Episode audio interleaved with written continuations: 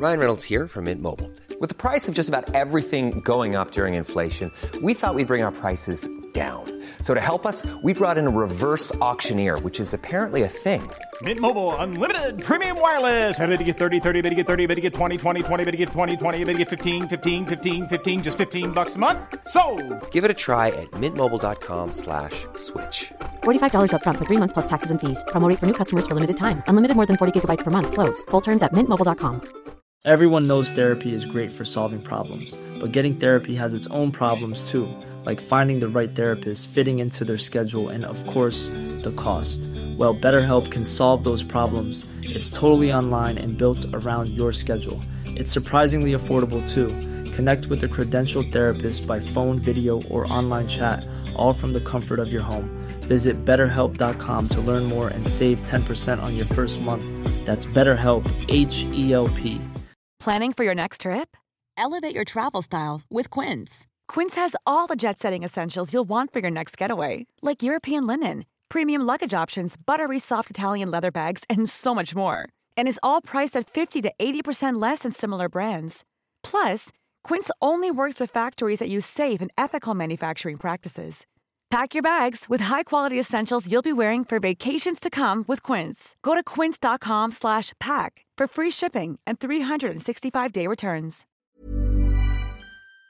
I can discuss some of the psychological aspects of the case. You've got to get a hold of yourself. Now look here, Johnson, I'm going to get to the bottom of this.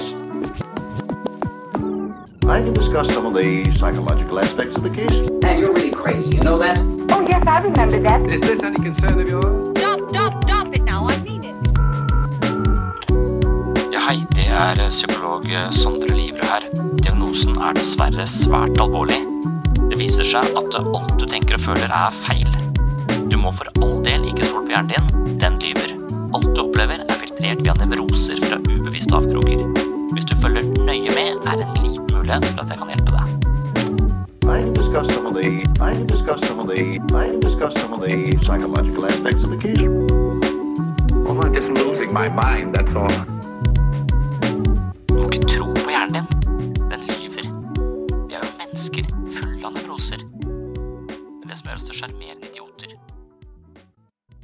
Dagens episode skal jeg snakke om en problematikk som, i likhet med mange andre psykiske utfordringer, stammer fra en grunnleggende følelse av skam og tilkortkommenhet. Jeg skal snakke om narsissisme, og narsissisten, han eller hun, sliter ofte med et eh, splitta selvbilde. På den ene siden har personer med sterke narsissistiske trekk et eh, oppblåst selvbilde prega av eh, overdreven stolthet og hovmod, mens de på den andre siden skammer seg over å ikke strekke til. Denne splittelsen gjør dem svært følsomme for kritikk, selv når tilbakemeldingene er velmenende og konstruktive. Med utelukkende positive tilbakemeldinger fra andre greier narsissisten å skyve det negative selvbildet godt under teppet. Det skal likevel ikke mer til enn én kritisk kommentar før en intens følelse av selvbebreidelse og skam trigges og kommer til overflaten.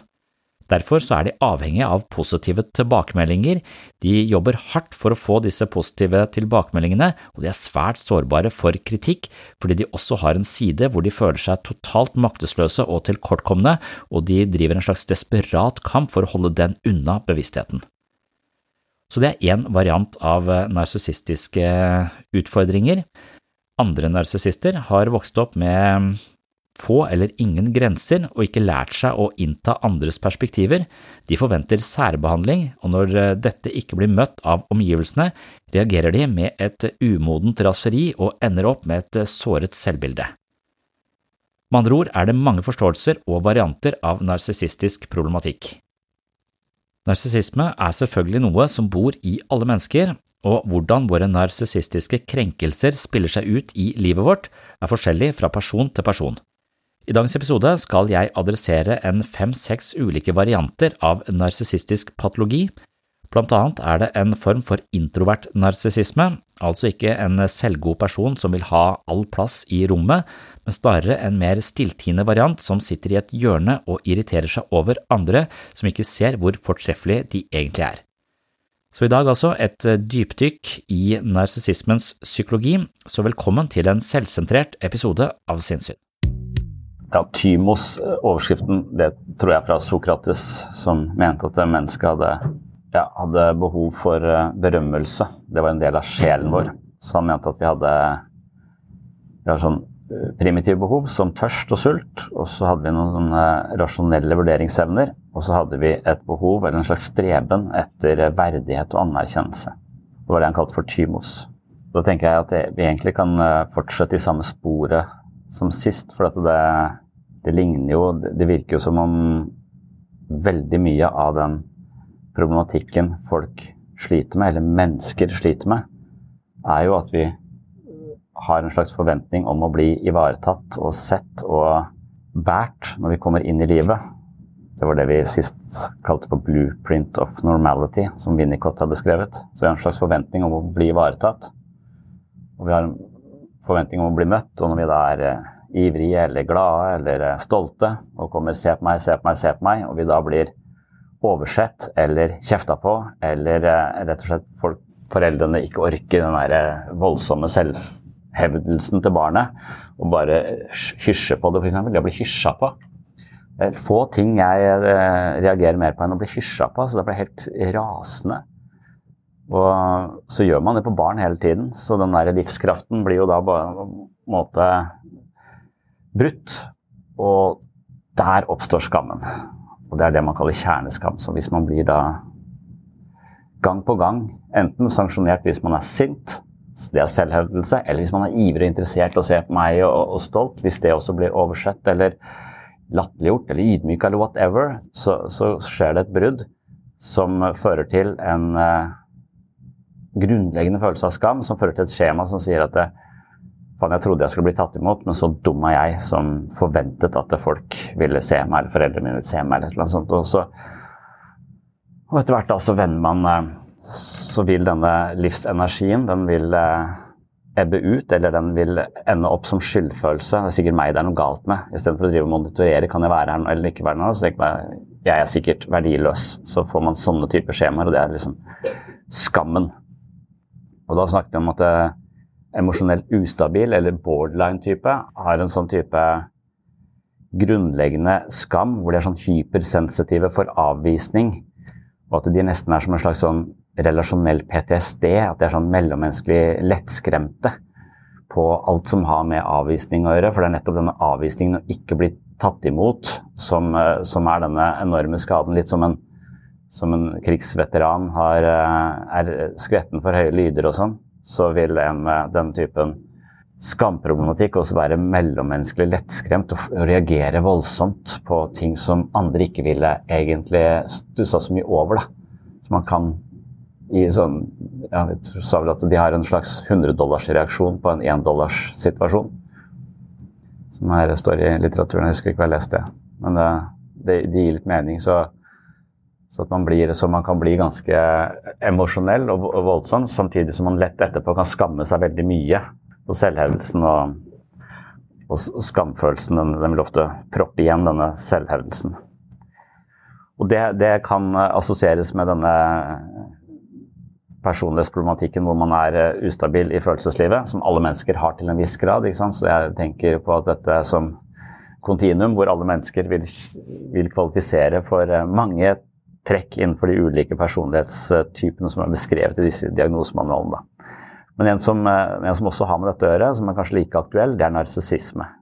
Det var egentlig det jeg tenkte ville være i forlengelsen av det. Så er det også den narsissistiske utviklingen som er eh, også en, ofte et, eh, et, utfall som også bygger på den grunnleggende skammen. Så narsissisten er sånn også hypersårbar da, for følelsen av skam, og har da istedenfor å ja, føye seg og legge seg ned og bli avhengig eller eh, underdanig. Et sånt eh, enormt sterkt forsvarsverk som eh, da bygges opp rundt denne skammen og skal sørge for at man aldri føler seg ydmyka eller dum. Og det forsvarsverket det krever jo at man ofte da skylder på andre for egne feil. Det lurer seg selv til å tro at man er eh, perfekt og konstruerer et overlegent selvbilde for å skjule sitt sanne og sårbare selv. Så det er også en sånn variant av eh, av det samme.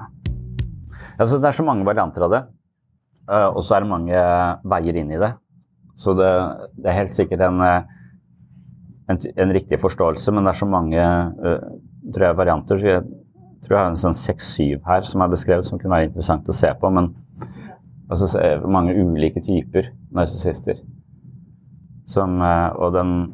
Men i utgangspunktet hvordan det oppstår, virker som eh, er knytta til skam. Som vi så Borderland var ekstremt knytta til skamfølelsen i amygdala, som hadde en voldsom respons som vedvarte. Og de klarte ikke å regulere skammen ned på, en måte, på samme måte som andre ville venne seg til denne situasjonen og langsomt regulere skammen ned hvis de blir utsatt for skamscenarioer.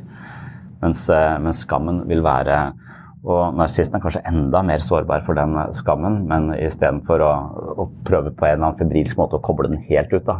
Psyken beskytter seg mot den følelsen av mindreverd på dramatiske og ganske paniske måter, egentlig.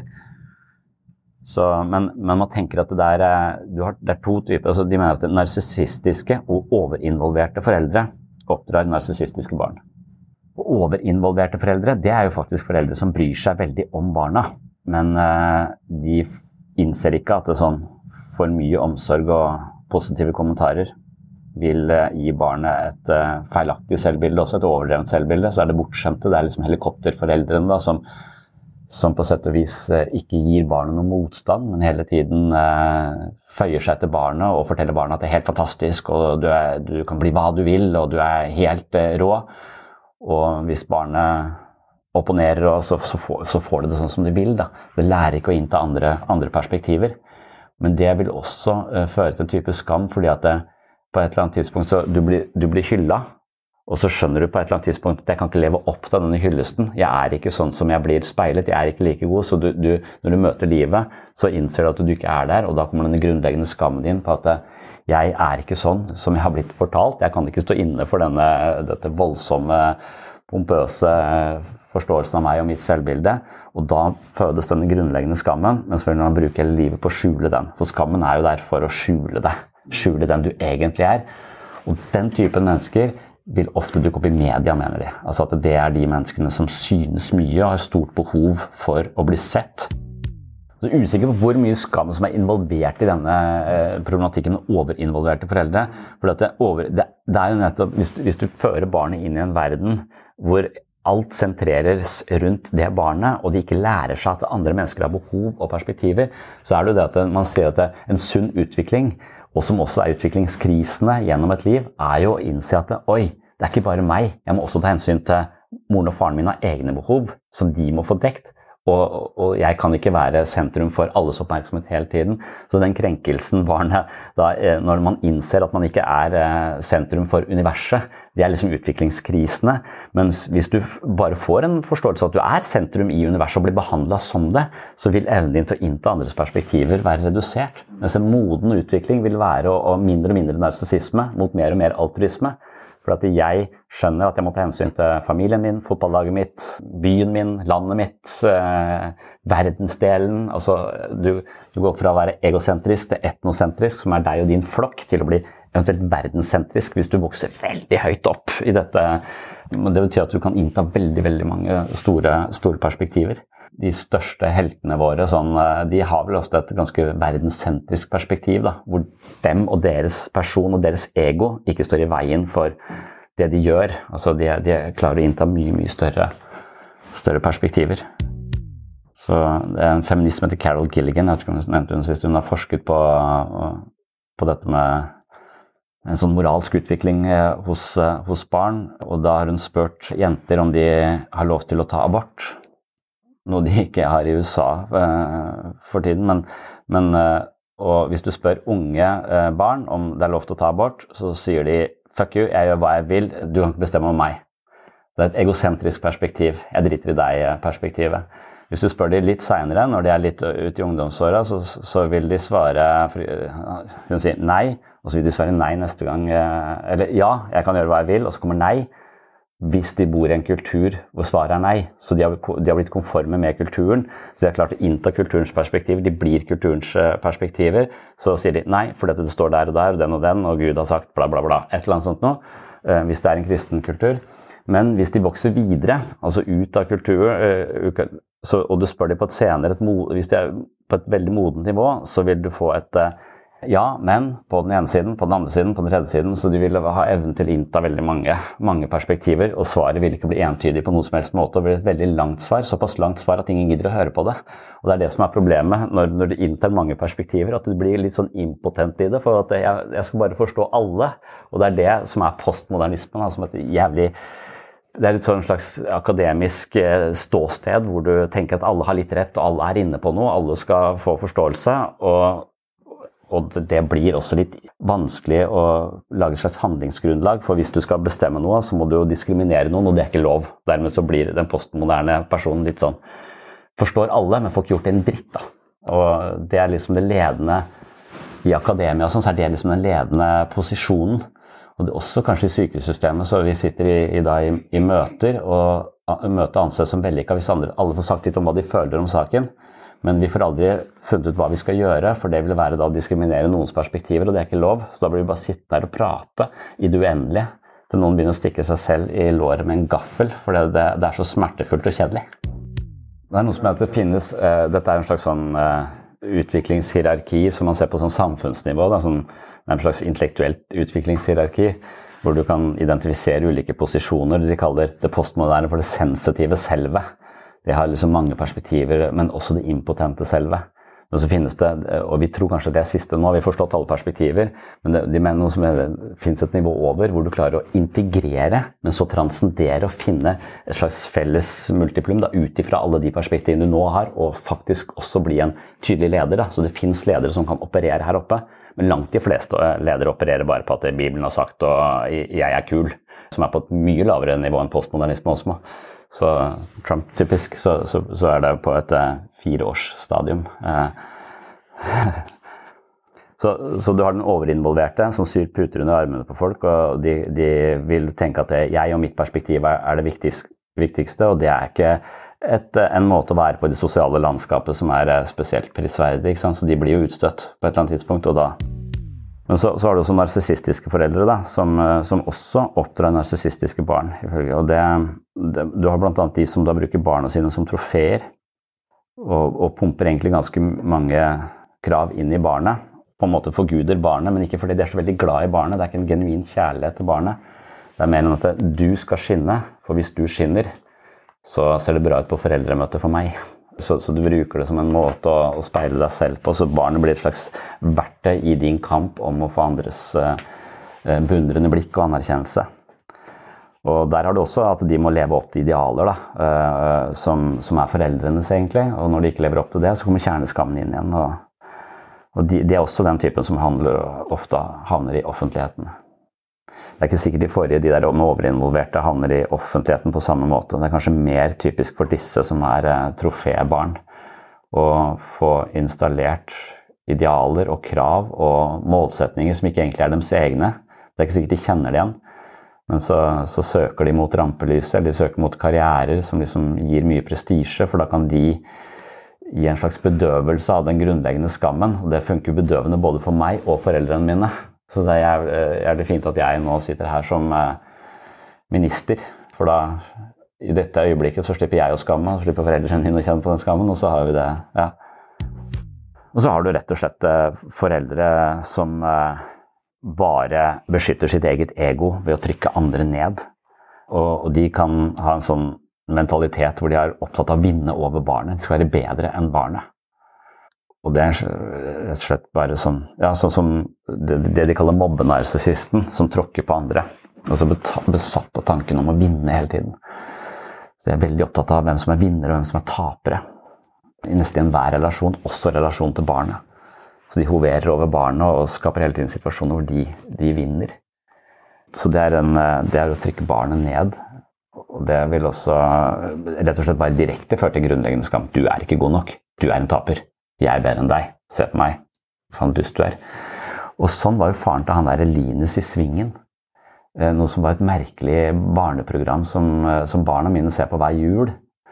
Så, så, de har en sånn type narsissistisk pappa som vil vinne over barna sine på død og liv. Og det er veldig veldig merkelig at han Linus eh, Jeg, jeg tror Linus ble narkoman.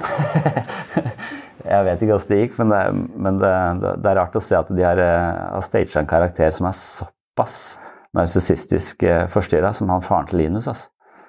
Der hadde jo alle foreldrene til de barna diagnoser. Hun hadde OCD, hun mora til Nure. ja, høy på nevrotisisme. Dritredd for alt. Nure måtte gå med sykkelhjelm eh, selv om han ikke sykla, bare for han kunne falle likevel. Men hvis man da eh, ser på de vokser opp da, med en type narsissistisk problematikk, så er det, er det, definert mange forskjellige typer. Mobbenarsissisten, som tråkker på andre for å hevde seg selv. Kan man tenke at de, de har en slags um, fellesskap med Psykologisk fellesskap med de menneskene som føyer seg. Bare at det er en motsatt strategi. Det er en slags uh, ekstrovert og introvert strategi, nærmest. Eller, eller fortolkning. Så at man um, mobbete narsissisten tråkker på andre for å ha kontroll og ha makt og på en måte bli beundra. Sånn at ehm, eh, de, de, kan eh, føle seg verdige. Mens eh, de som har kanskje den samme utgangspunktet, at de ikke har blitt møtt og ikke har følt seg verdifulle på noe som helst måte, som er mer avhengige, de vil prøve å please andre hele tiden for å beholde deres kjærlighet og oppmerksomhet. Så de er livredd for å, for å miste kjærligheten, for de har kanskje blitt sanksjonert med å bli oversett eller eller ignorert når de har eh, hevda seg. Noen har jo blitt sanksjonert med å få kjeft eh, eller bli tråkka på, og da blir de mer fryktsomme. Mens de her er mer eh, paniske, de er redd for å miste kontakten til folk, så de finner seg i hva som, hva som helst. strategien er å prøve å please mamma eller være så snill jeg kan så ikke hun blir deprimert. For hvis jeg er umulig, så blir mamma lei seg og ligger på rommet og gråter.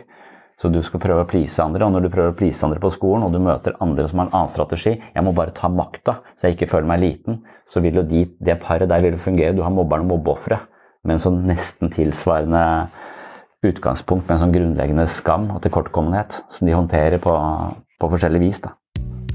Men så har du kanskje en farligere narsissist som er eh, vanskeligere å pinpointe.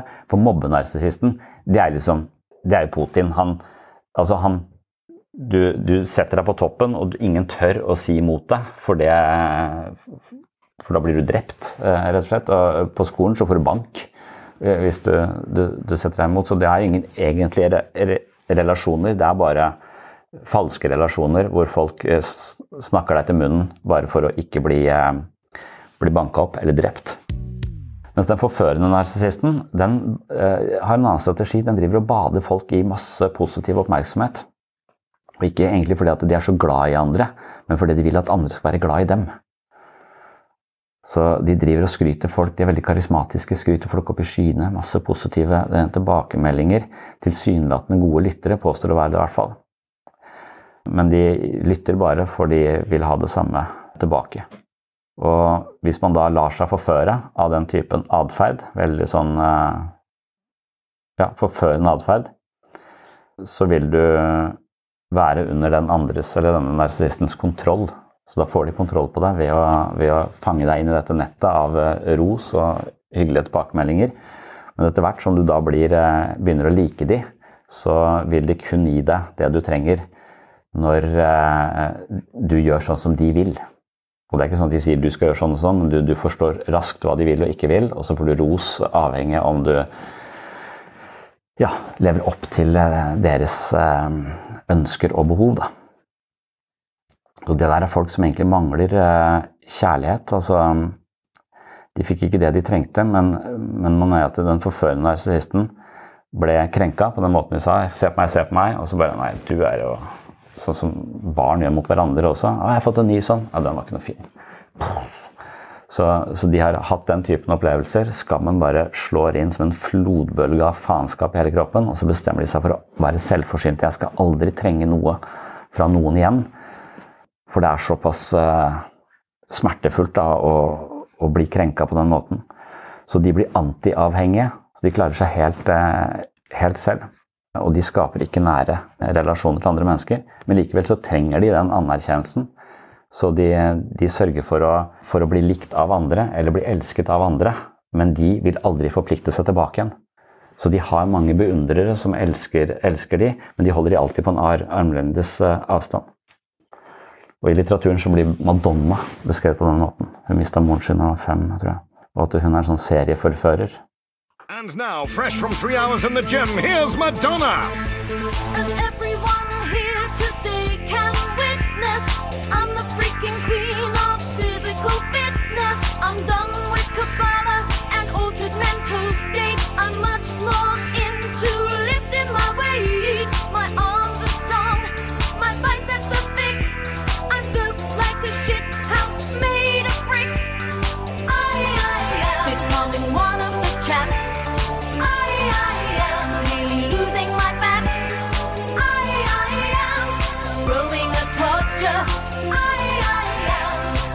known as Roger. Jeg har av og til sett i gruppeterapi Jeg har kalt dem for enarma banditter.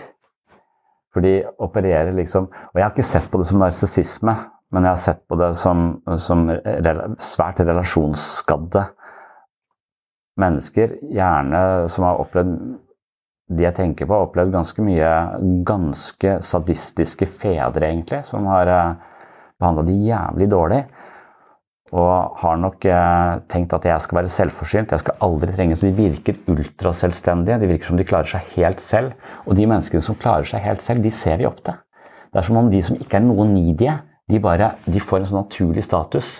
Så når de sier noe i gruppa, sånn, så følger alle, alle med. Liksom. Det er bare sånn, jeg tenker du kunne blitt en sektleder. Du kunne blitt en sånn mafiaboss.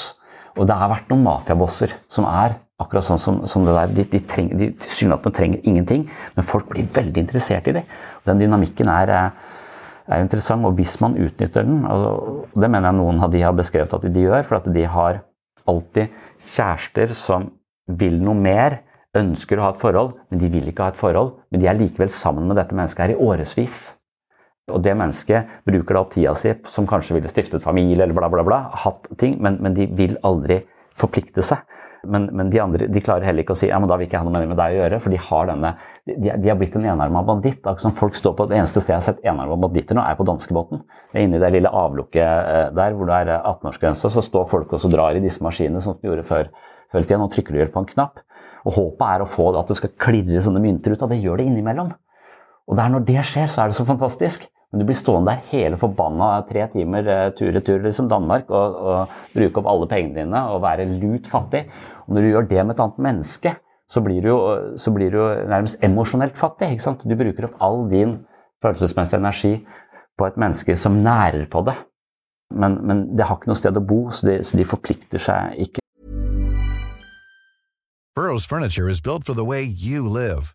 From ensuring easy assembly and disassembly to honoring highly requested new colors for their award-winning seating, they always have their customers in mind. Their modular seating is made out of durable materials to last and grow with you.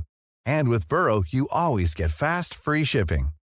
Get up to 60% off during Burrow's Memorial Day sale at burrow.com slash ACAST. That's burrow.com slash ACAST. burrow.com slash ACAST.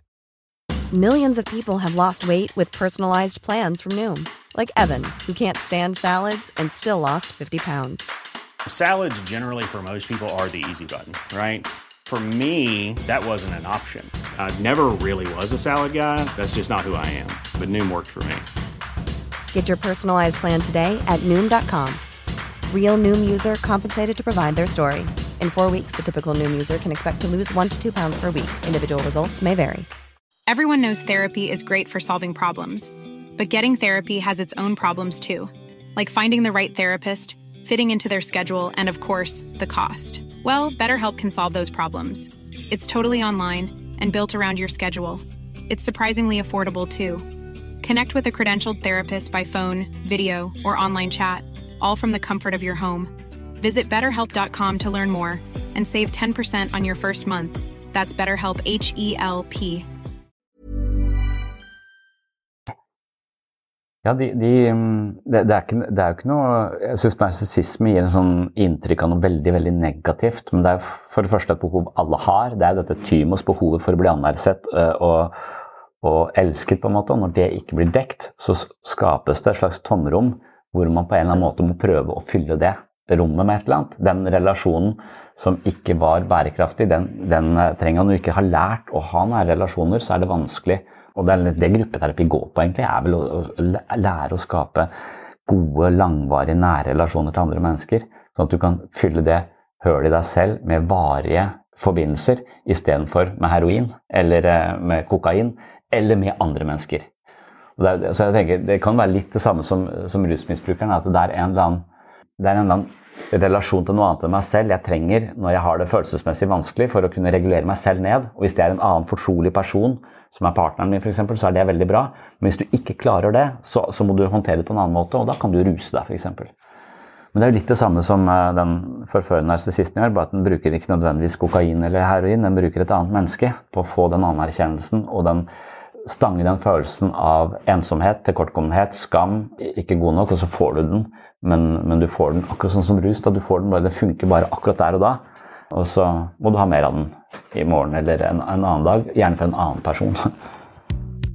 Så har du grandiose narsissisten. De driver med det som Freud kaller for uh, reaksjonsdannelse, nærmest. At de de har en følelse av maktesløshet i bånn, de har en følelse av tilkortkommenhet. De har en følelse, de har også, Nesten alt handler om da om denne grunnleggende skam. Vi kan forstå grunnleggende skam som rett og slett bare å ikke bli tatt imot og avvist. Og alle har erfaring på det. Det spørs bare på hvor mange erfaringer vi har. Altså, og Det kan jo, det trenger ikke være fra foreldre. Det er typisk du, du kommer på skolen med ny sekk, er dritstolt, og så ler folk av det. ikke sant? Det bare, bare, det, alle har sånne erfaringer på at vi, vi har følt oss Faen, jeg trodde den var fin, og så syns alle den er stygg. Jeg er dum. Sånn, eh, og den grandiose narsissisten har nok også kanskje en sånn følelse av ikke å bli tatt imot på et veldig tidlig tidspunkt, og eh, da denne overveldende følelsen av å være totalt maktesløs i en verden hvor du ikke har sjanse til å kontrollere noe som helst, og du skal dø, det er, eh, det er ganske smertefullt. Og du vet at de livspremissene du har fått utdelt, det er helt, helt umulig å leve med. Og da kan du eh, på en måte forvrenge den følelsen, eller rett og slett det han kaller reaksjonsdannelse, er egentlig bare å, erstatte den følelsen av maktesløshet med det diametralt motsatte. Altså total kontroll og fullstendig eh, makt. Og da ender du opp på alternativmessa, for det er da du på en måte kan lese fremtiden. Du kan forutse ting. Du kan helbrede folk med varme hender. Altså, du har en sånn type opplevelse av å kunne vinne over livet. Vinne over disse ganske dramatiske livsbetingelsene våre. Om at livet er meningsløst og vi skal dø. og det, det også For å stange den smertefulle eksistensielle følelsen der sånn også, så kan man, kan man få disse grandiose eh, folka som, eh, som kan eh, stoppe døden, nesten. Noen av de. Eller de kan i hvert fall snakke med deg når du er død eller noen du kjenner som er død. De har mange sånne evner. Og, og i og med at folk alle har denne eksistensielle uroen i seg, så det er jo ikke sånn at så når de påstår å ha de, og, og så får de kontra sin egen uh, underliggende eksistensielle angst, samtidig som uh, de som da kommer til de og får lest uh, fremtiden i sine hender, de får også kontra sin angst for det uforutsigbare. Så de har en vinn-vinn-situasjon hvor alle får dempa en del angst. da. Og så blir det en slags transaksjon her, og det går noen penger i dette, dette her også, men det er en det er en helt egen, egen bransje da, hvor, hvor, alle involverte egentlig får lindra litt angst. Da vet jeg ikke om det er helt greit, kanskje. Du er et medium ikke sant? og kan kommunisere med åndeverdenen. Ja. Mm. Fortell litt om din bakgrunn. Hvordan blir man sånn medium? Det, må man ha noe utdanning innen media? Mm. Nei, egentlig ikke. Det er noe som er medfødt, egentlig. Ja. Det, men jeg fikk jo først full åpning når jeg var 42 år. Ja, takk. Det kan vi ta litt senere.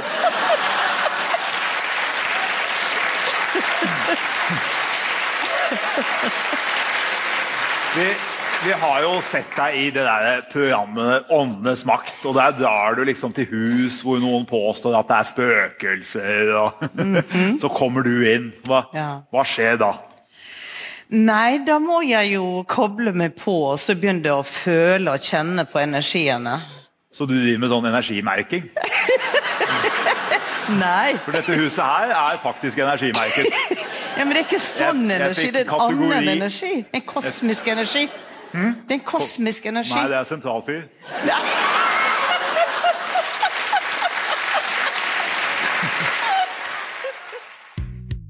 Det er forutsatt at uh at det ikke går altså at eh, hvis, hvis, man skal tolke dette, disse menneskene som, eh, som, på en måte påstår å ha sånn overnaturlige evner, som en slags sånn grandiositet, så er det forutsatt at det da ikke fins overnaturlige evner, selvfølgelig.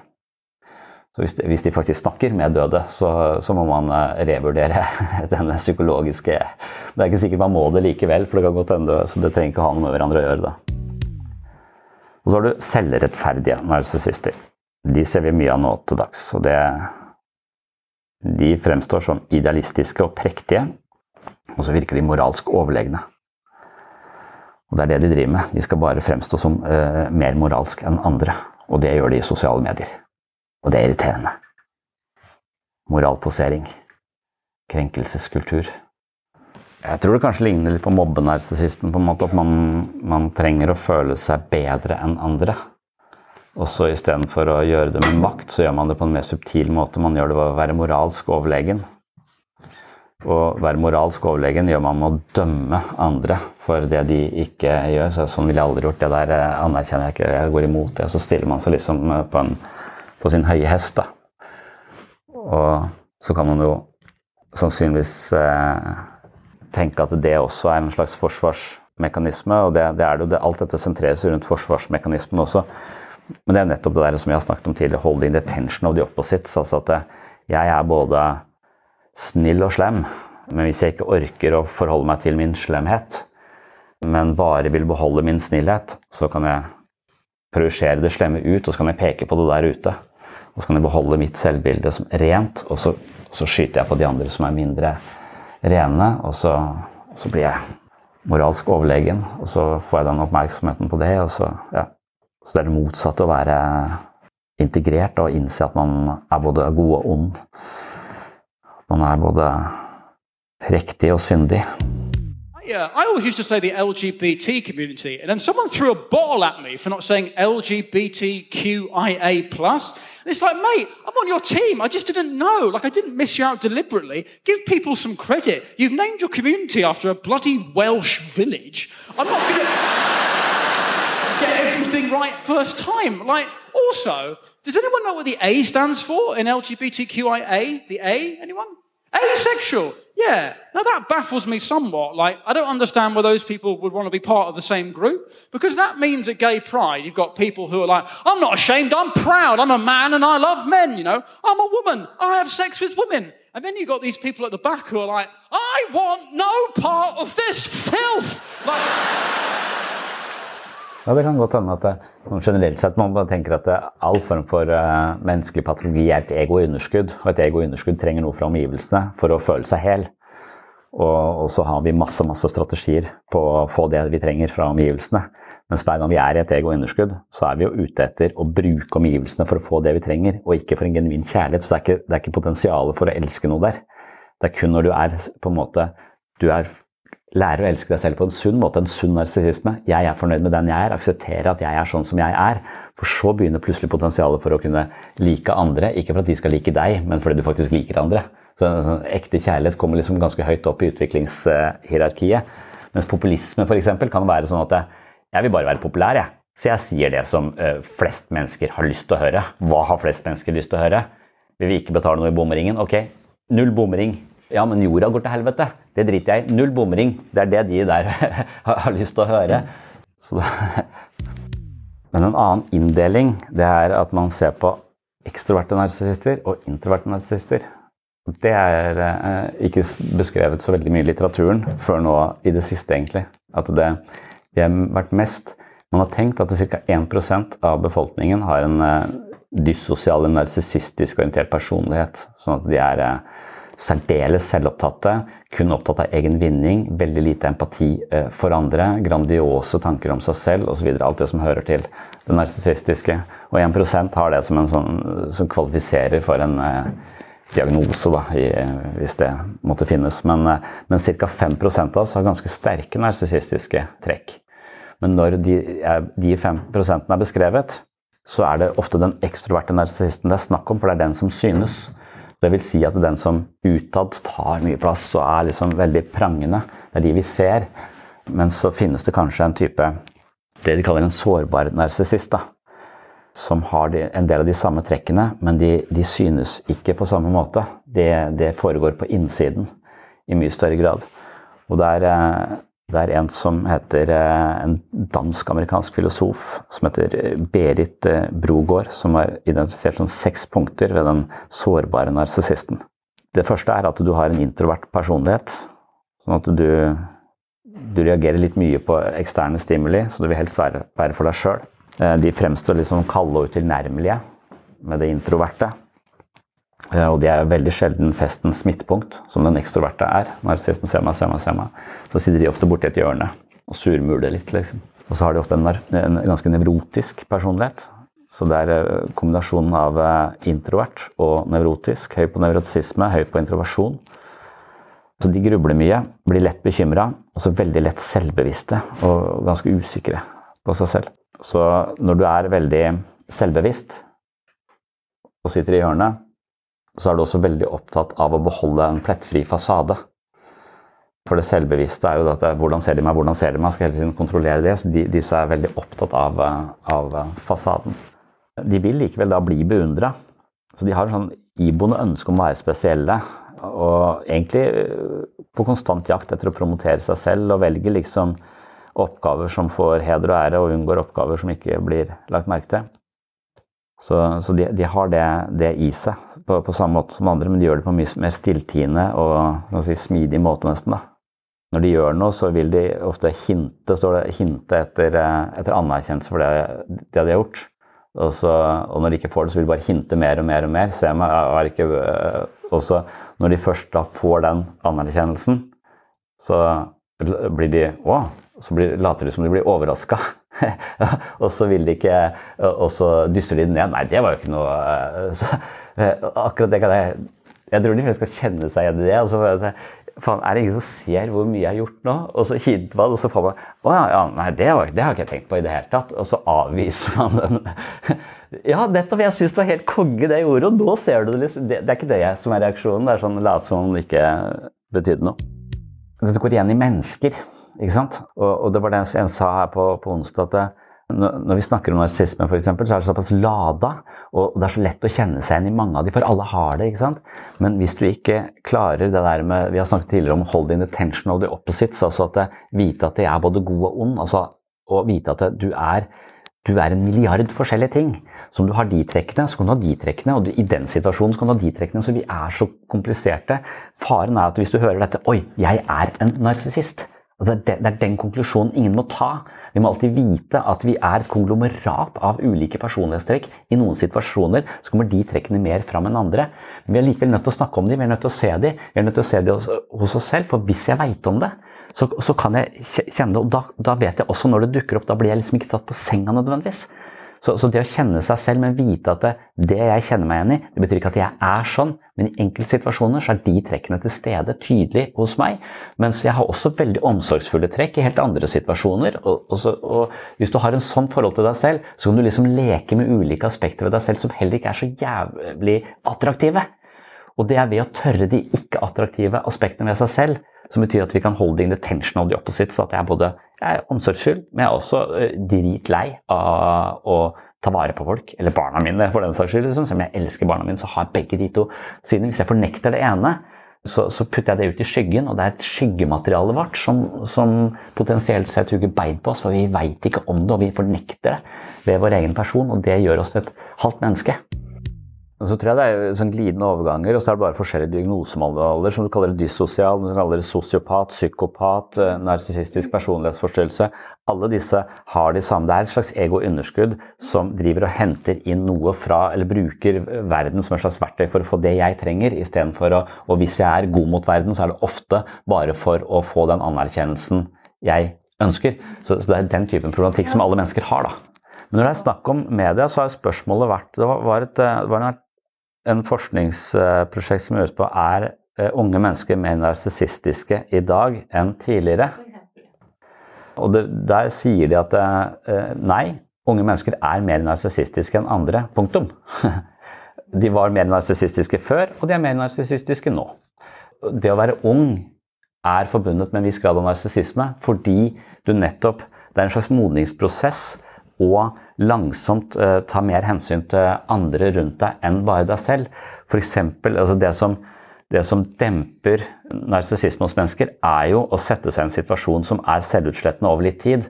Få barn, ha en partner, forplikte seg hvor du, hvor du, forsaker egne behov til fordel for noen andre eller noe som er større enn deg selv, så vil det langsomt dempe narsissisme. Så dermed så vil livserfaringer hvor vi må gjøre ting for andre, det vil dempe vår egen uh, vår egen narsissisme. Og forfengelighet. For er jo en, eh, en, egenskap innenfor dette eh, spekteret. Og så ser man liksom på om forfengelighet er noe som eh, avtar med, med tid. Og man ser de som var forfengelige, de hadde nesten 600 deltakere i den studien. og Så så de på egenskapen forfengelighet, og så møtte, fulgte de de over flere 20 år. Så så de hvordan, hvordan de skårte på disse skalaene også langt inn i, inn i voksenlivet. Og der, der, ser man generelt sett at det avtar med, med, alder. Men så er det noen sånne spesielle ting med f.eks. de som er veldig forfengelige, altså veldig opptatt av sitt ytre og, og sånn. De er mer skilt. De lever oftere ikke i parforhold, og de har færre barn. Og så ser man at det som, det, Men det eneste som kontrer forfengelighet, det er å være i et fast forhold og ha barn. Så, så de prøver å unngå det som kunne men, men, de forfengelige de har også en bedre helse. Altså Ikke nødvendigvis en psykisk bedre helse, for de har ikke så mange, men de, har, de er opptatt av fitness, så, så de er jævla spreke. Så, så, det er mange sånne ting som man har, man har sett på. men det er et åpent spørsmål, men jeg tror du skal veldig mye til å få diagnosen. For hvis du skal ha den I Norge så vil det hete dyssosial. Og da har du med deg De trekkene skal ha vært vedvart over veldig lang tid. Og det, har sånn der, det er veldig mange sånne Det er kriminell, og du plaga dyr bare av ren nysgjerrighet. og Det er mange, det er mange sånne, sånne, ting som skal til. Og man sier vel kanskje at, det, at den typen Dyssosial atferd er veldig vanskelig å behandle, og dessuten så vil de ofte ikke komme i behandling, for de har en slags idé om at de er bedre enn andre og har rett til hva som helst og kan bare ta for seg uten hensyn til andre. Lite samvittighet, lite empati. Og dermed så er det insentivet for å gå i behandling nesten ikke-eksisterende. For det første så er jeg bedre enn andre, så det er ingen andre som kan fortelle meg noe. Så veldig, Det kommer nesten ingen mennesker i dette systemet med den typen alvorlig narsissistisk patologi. ikke sant? Eller kanskje mer den stille narsissisten som, som, som, har et veldig vaklende selvbilde. Mens, mens den, den, mer antisosiale varianten, den, den, er sjelden den havner i fengsel. Eller de er i, høyt oppe i næringslivet. Det er nok de, de ekstroverte og utadvendte narsissistene. Men, men, så har du punkt fire, denne introverte eller sårbare narsissisten. Det handler om selvbildet. Og det som er kjennetegnet på denne typen narsissisme, er at selvbildet er veldig splitta. Det, så på den ene siden så er det et oppblåst eh, selvbilde prega av liksom å være stolt og, og, og, tenke at man er litt bedre enn andre. Mens eh, på den andre siden så er det den grunnleggende skammen da, eh, over å ikke strekke til. Så du kan være både jeg er helt rå, men jeg er også helt udugelig. Så, du, så du, du, driver Du har et litt sånn splitting-aktig svart-hvitt selvbilde. Og det er der den derre Altså, Det å ta imot kritikk blir så jæklig vanskelig. Det er liksom sånn, og det er der den der eh, mellommenneskelige sensitiviteten, enhver form for kritikk, vil kunne vekke den, den, delen av selvbildet mitt hvor jeg tenker, føler meg helt udugelig. Og den jeg, vil jeg for guds skyld ikke ha. Den må ikke våkne. Vi må liste oss rundt den. Det er veldig da vare. Så selv sånn velmenende og konstruktive eh, tilbakemeldinger kan de ta og bare, bare og tippes helt over i jeg er totalt uh, uh, udugelig de bruker da veldig, de er nesten avhengig av positiv respons fra andre hele tiden. For, liksom, for, hvis de får det, så greier de å på en måte skyve det negative selvbildet under teppet og ikke ha det present.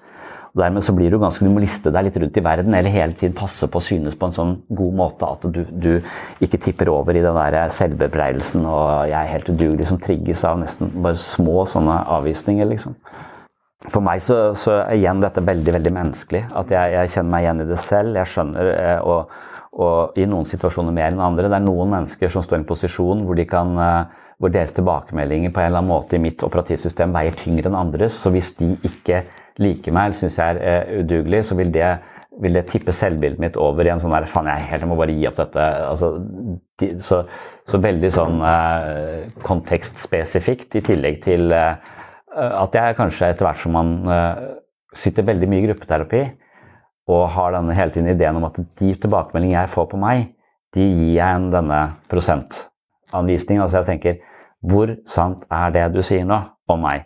Og, og, hvis det er veldig veldig vondt å høre, så gir jeg det i utgangspunktet litt lav prosentsats, så jeg skal klare å ta det imot. Så, og så kan jeg gi det høyere og høyere hvis jeg ser at det er noe i det perspektivet. Og så kan jeg tenke, men det kommer litt fra deg også. Du ser ofte mennesker på den måten. Så at den der ideen om at alt jeg tenker og føler, er feil, alt jeg prosesserer, er prosessert via mitt operativsystem, så jeg kan ikke ta det for god fisk, da, da, vil jeg, da, vil kritikken som kommer i min retning, bli lettere å håndtere. For jeg gir det liksom Jeg går ikke helt ned med, med flagget. Og det tror jeg liksom er en ganske aktiv måte å jobbe med min egen ja, narsissistiske patologi på, nærmest. At alle har det. Men etter hvert som jeg sitter sånn og vurderer hvor sant det er, og så at det ikke går rett i hjertet Det blir ikke så rått som det kunne bli eh, når man er yngre. Og var sykelig opptatt av å være en del av gruppa og bli anerkjent og være kul nok og alt, alt det der. Så jeg, jeg, liker jo ikke at det egentlig blir diagnoser. Men jeg skjønner at eh, noen vakler har dette selvbildet hvor de, hvor de føler seg udugelige og hvor de føler seg på topp. Alle har det, men de har det kanskje ikke så rått som noen har det. Som da har en større grad av underliggende skamproblematikk og et skjema som sier lett sier du er udugelig. Det skal nesten ingenting til. Så kan jeg bare akseptere det. Ja, jeg er helt udugelig, stiller meg alltid bakerst i køen, føyer meg etter alle, andre veit bedre enn meg. Eller jeg kan bare bruke livet mitt på å vise at det ikke er sånn. Jeg kan bli president.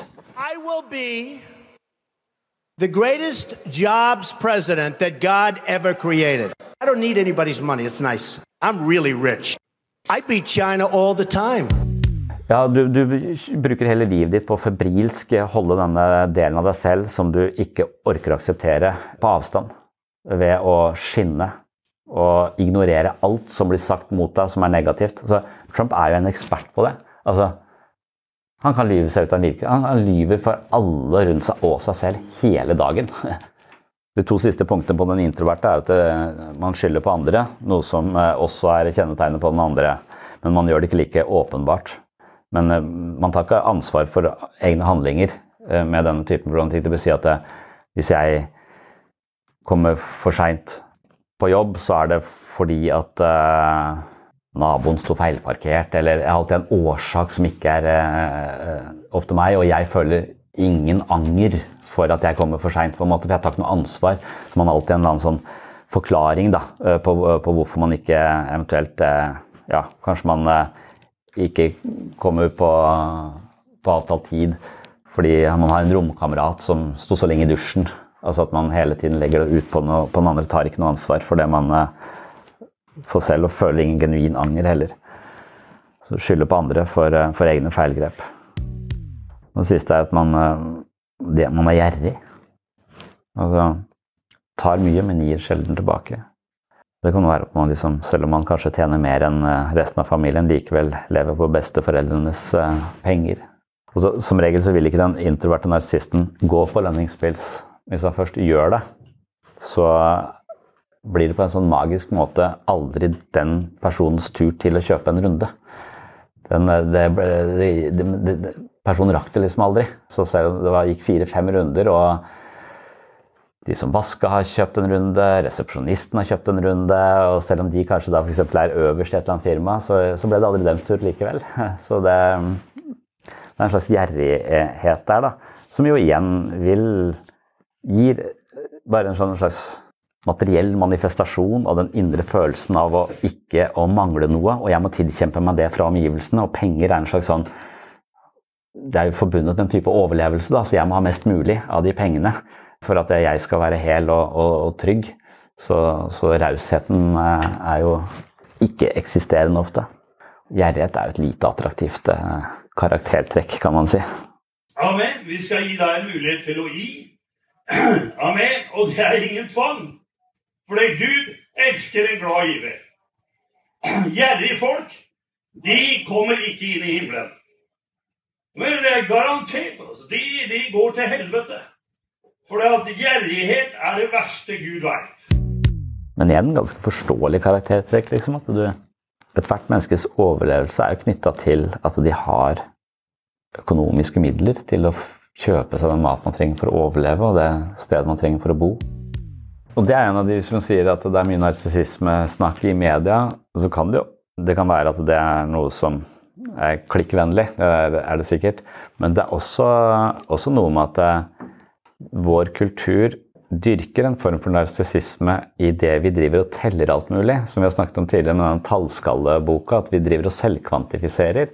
Og det er det veldig mye forskning på nå. I den boka om Helge Torbjørnsen, hva det het, som skrev tallskalle vært sykt mange interessante studier som viser at det, med en gang du, du, begynner å selvkvantifisere, så blir du mer opptatt av deg selv og dine tall. Så, og vi kvantifiserer jo på alt mulig nå. Vi kvantifiserer venner, hvor mange venner vi har. Altså, det at det går en sånn der markedslogikk i relasjoner, så hvor de blir telt og veid, så forsvinner liksom det viktige med relasjonen, og det blir gjort om til et, et tall. Og så blir man veldig opptatt av det kvantitative, hvor mange man har, og ikke kvaliteten på det, på det vennskapet man egentlig har. og at det, de som eh, måler søvn, de som måler skritt, de som måler sånn, de blir, de blir langsomt mer og mer narsissistiske og mer opptatt av seg selv.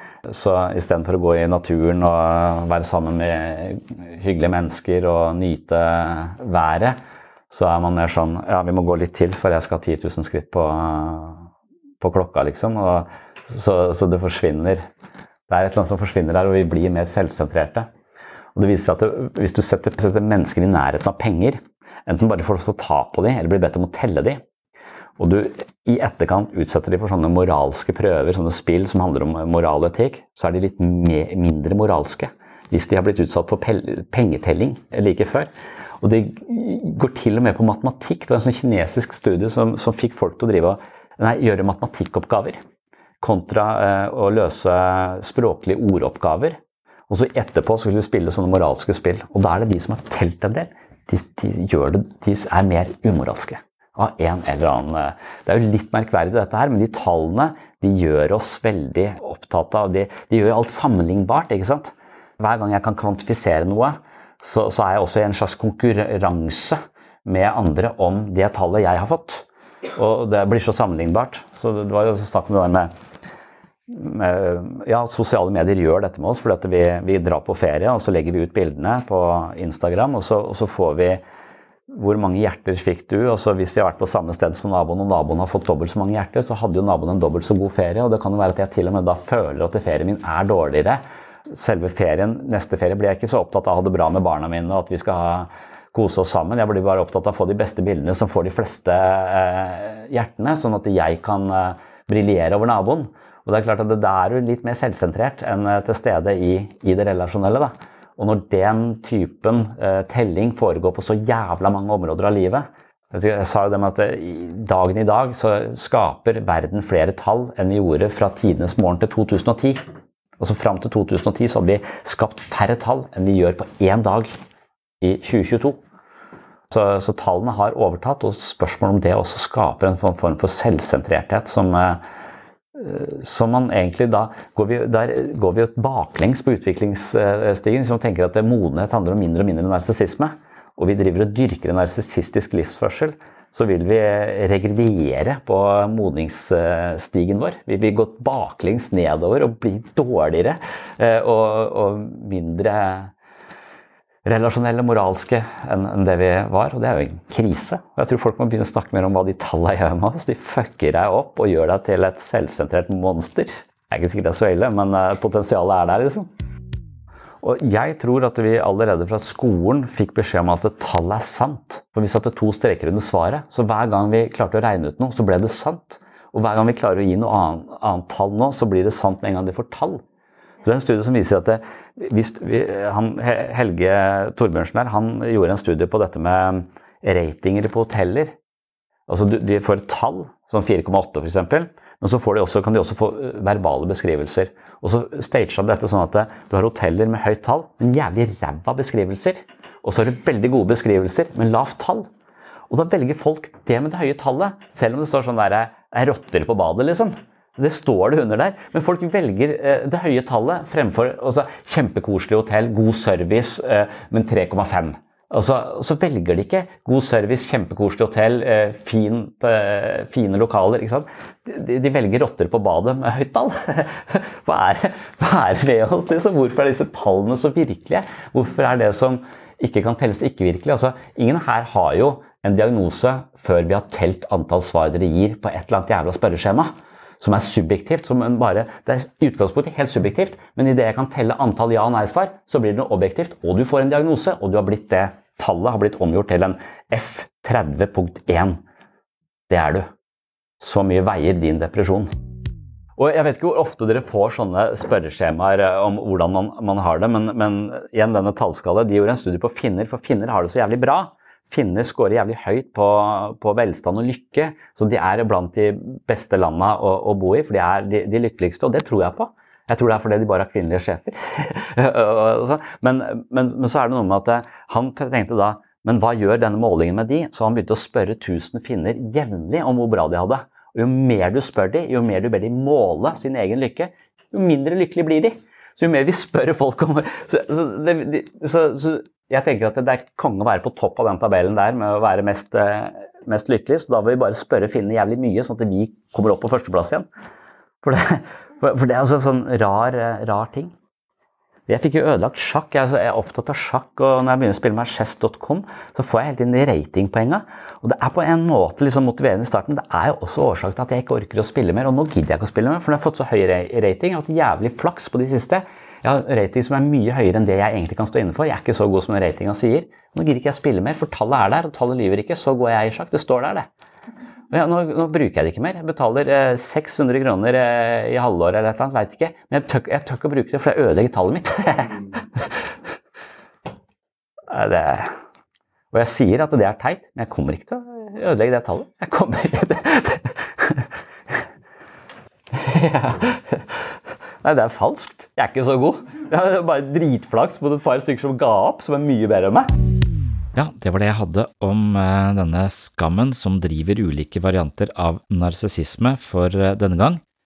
Hvis du vil høre mer om denne tematikken, så har jeg som vanlig laget en eksklusiv episode om dette på min eh, Patron-konto på patron.com forsvars sinnssyn. Jeg er også i ferd med å utvikle en app som skal huse de fleste Episodene som kommer på sinnssyn, mentale øvelser, meditasjonsveiledning, videoforedrag og miniserier. Så når dette her publiseres, så kan det også hende at du kan leite etter en uh, sinnssyn-app i uh, Apple Store eller uh, på Google Play.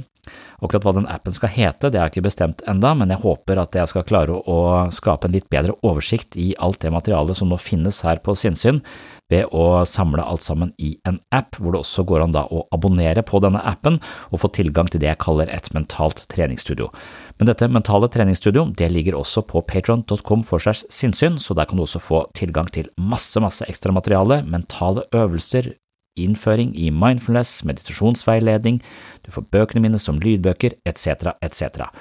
Så alt det du finner på Patron, det skal etter hvert også kunne ja, være tilgjengelig i dette mentale treningsstudioet i et app-format. Så det håper jeg å kunne sjøsette på et eller annet tidspunkt, men jeg må bare finne ut av hvordan man lager en app, og det er den prosessen jeg er i akkurat nå. Så det er forholdsvis utfordrende med litt lite teknisk innsikt. Men jeg gjør så godt jeg kan, så jeg skal melde mer om dette når det er eh, ja, når det ligger klart. Og det kan godt hende, som sagt, at det allerede er klart når du hører denne episoden. Men hvis du da vil høre mer om eh, skam, så har jeg da laget episode 86, som er Skammen som eh, driver narsissismen, heter den episoden, og den ligger i alle fall på patron.com for segs sinnssyn. Så da er det altså denne tematikken om hvordan en grunnleggende følelse av skam og tilkortkommenhet kan utkrystallisere seg i et vaklende selvbilde. Med et splitta selvbilde forsøker man jo å unngå følelsen av skam og usikkerhet ved å opptre overlegent eller innta en slags grandios holdning. Det kan fungere til en viss grad, i den forstand at man mer eller mindre panisk overbeviser seg selv og verden om at man er uovervinnelig og fantastisk, men det skal altså lite til før det oppblåste selvbildet krakelerer. Et skjevt blikk, en venn som nøler eller en velmenende konstruktiv tilbakemelding kan få narsissisten til å reagere voldsomt. Det er egen tilkortkommenhet som lures frem fra skyggen fra et oppblåst ego, og det er smertefullt og forferdelig for narsissisten. De lever et sårbart liv fordi kun små tegn på avvisning eller kritikk får dem til å fornemme den smertefulle skammen de febrilsk forsøker å unngå ved å fremstå som overlegne. Og som sagt, så her er det mange varianter av denne typen problematikk, og hvis du vil dykke mer ned i det, så er det altså episode 86, Skammen som driver narsissismen, på patron.com for segs sinnssyn. Og til alle dere som allerede er abonnenter på mitt mentale treningsstudio, tusen hjertelig takk for det. Støtten deres det får meg til å kunne prioritere dette prosjektet her hver eneste uke, og det setter jeg stor pris på, så tusen hjertelig takk. Det var det for denne gang, og velkommen tilbake i neste episode. Takk for nå. Oh, I'm just losing my mind, that's all.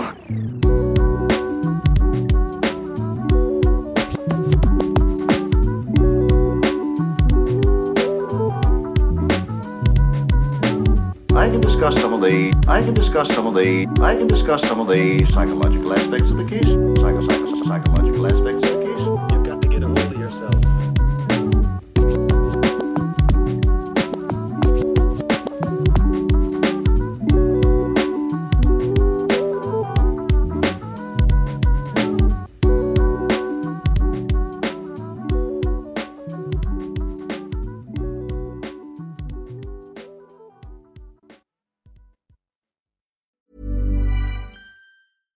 Selling a little or a lot? Shopify helps you do your thing however you cha-ching. Shopify is the global commerce platform that helps you sell at every stage of your business. From the launch your online shop stage to the first real life store stage, all the way to the did we just hit a million orders stage. Shopify is there to help you grow. Shopify helps you turn browsers into buyers with the internet's best converting checkout. 36% better on average compared to other leading commerce platforms because businesses that grow grow with Shopify. Get a $1 per month trial period at shopify.com/work. shopify.com/work. Imagine the softest sheets you've ever felt. Now imagine them getting even softer over time. That's what you'll feel with Bowl and Branch's organic cotton sheets. In a recent customer survey, 96% replied that Bowl and Branch sheets get softer with every wash. Start getting your best night's sleep in these sheets that get softer and softer for years to come. Try their sheets with a 30-night guarantee. Plus, get 15% off your first order at bowlandbranch.com. Code BUTTERY. Exclusions apply. See site for details.